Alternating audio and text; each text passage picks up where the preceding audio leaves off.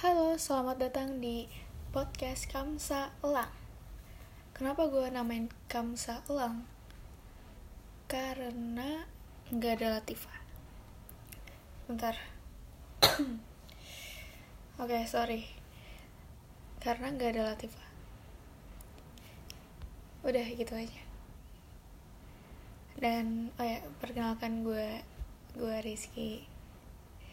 Sebenarnya ini um, podcast pribadi um, gue gue berpikir untuk um, diri gue di masa depan yang bakalan dengerin podcast ini. Tapi mungkin aja podcast ini ada orang lain yang tahu. Halo.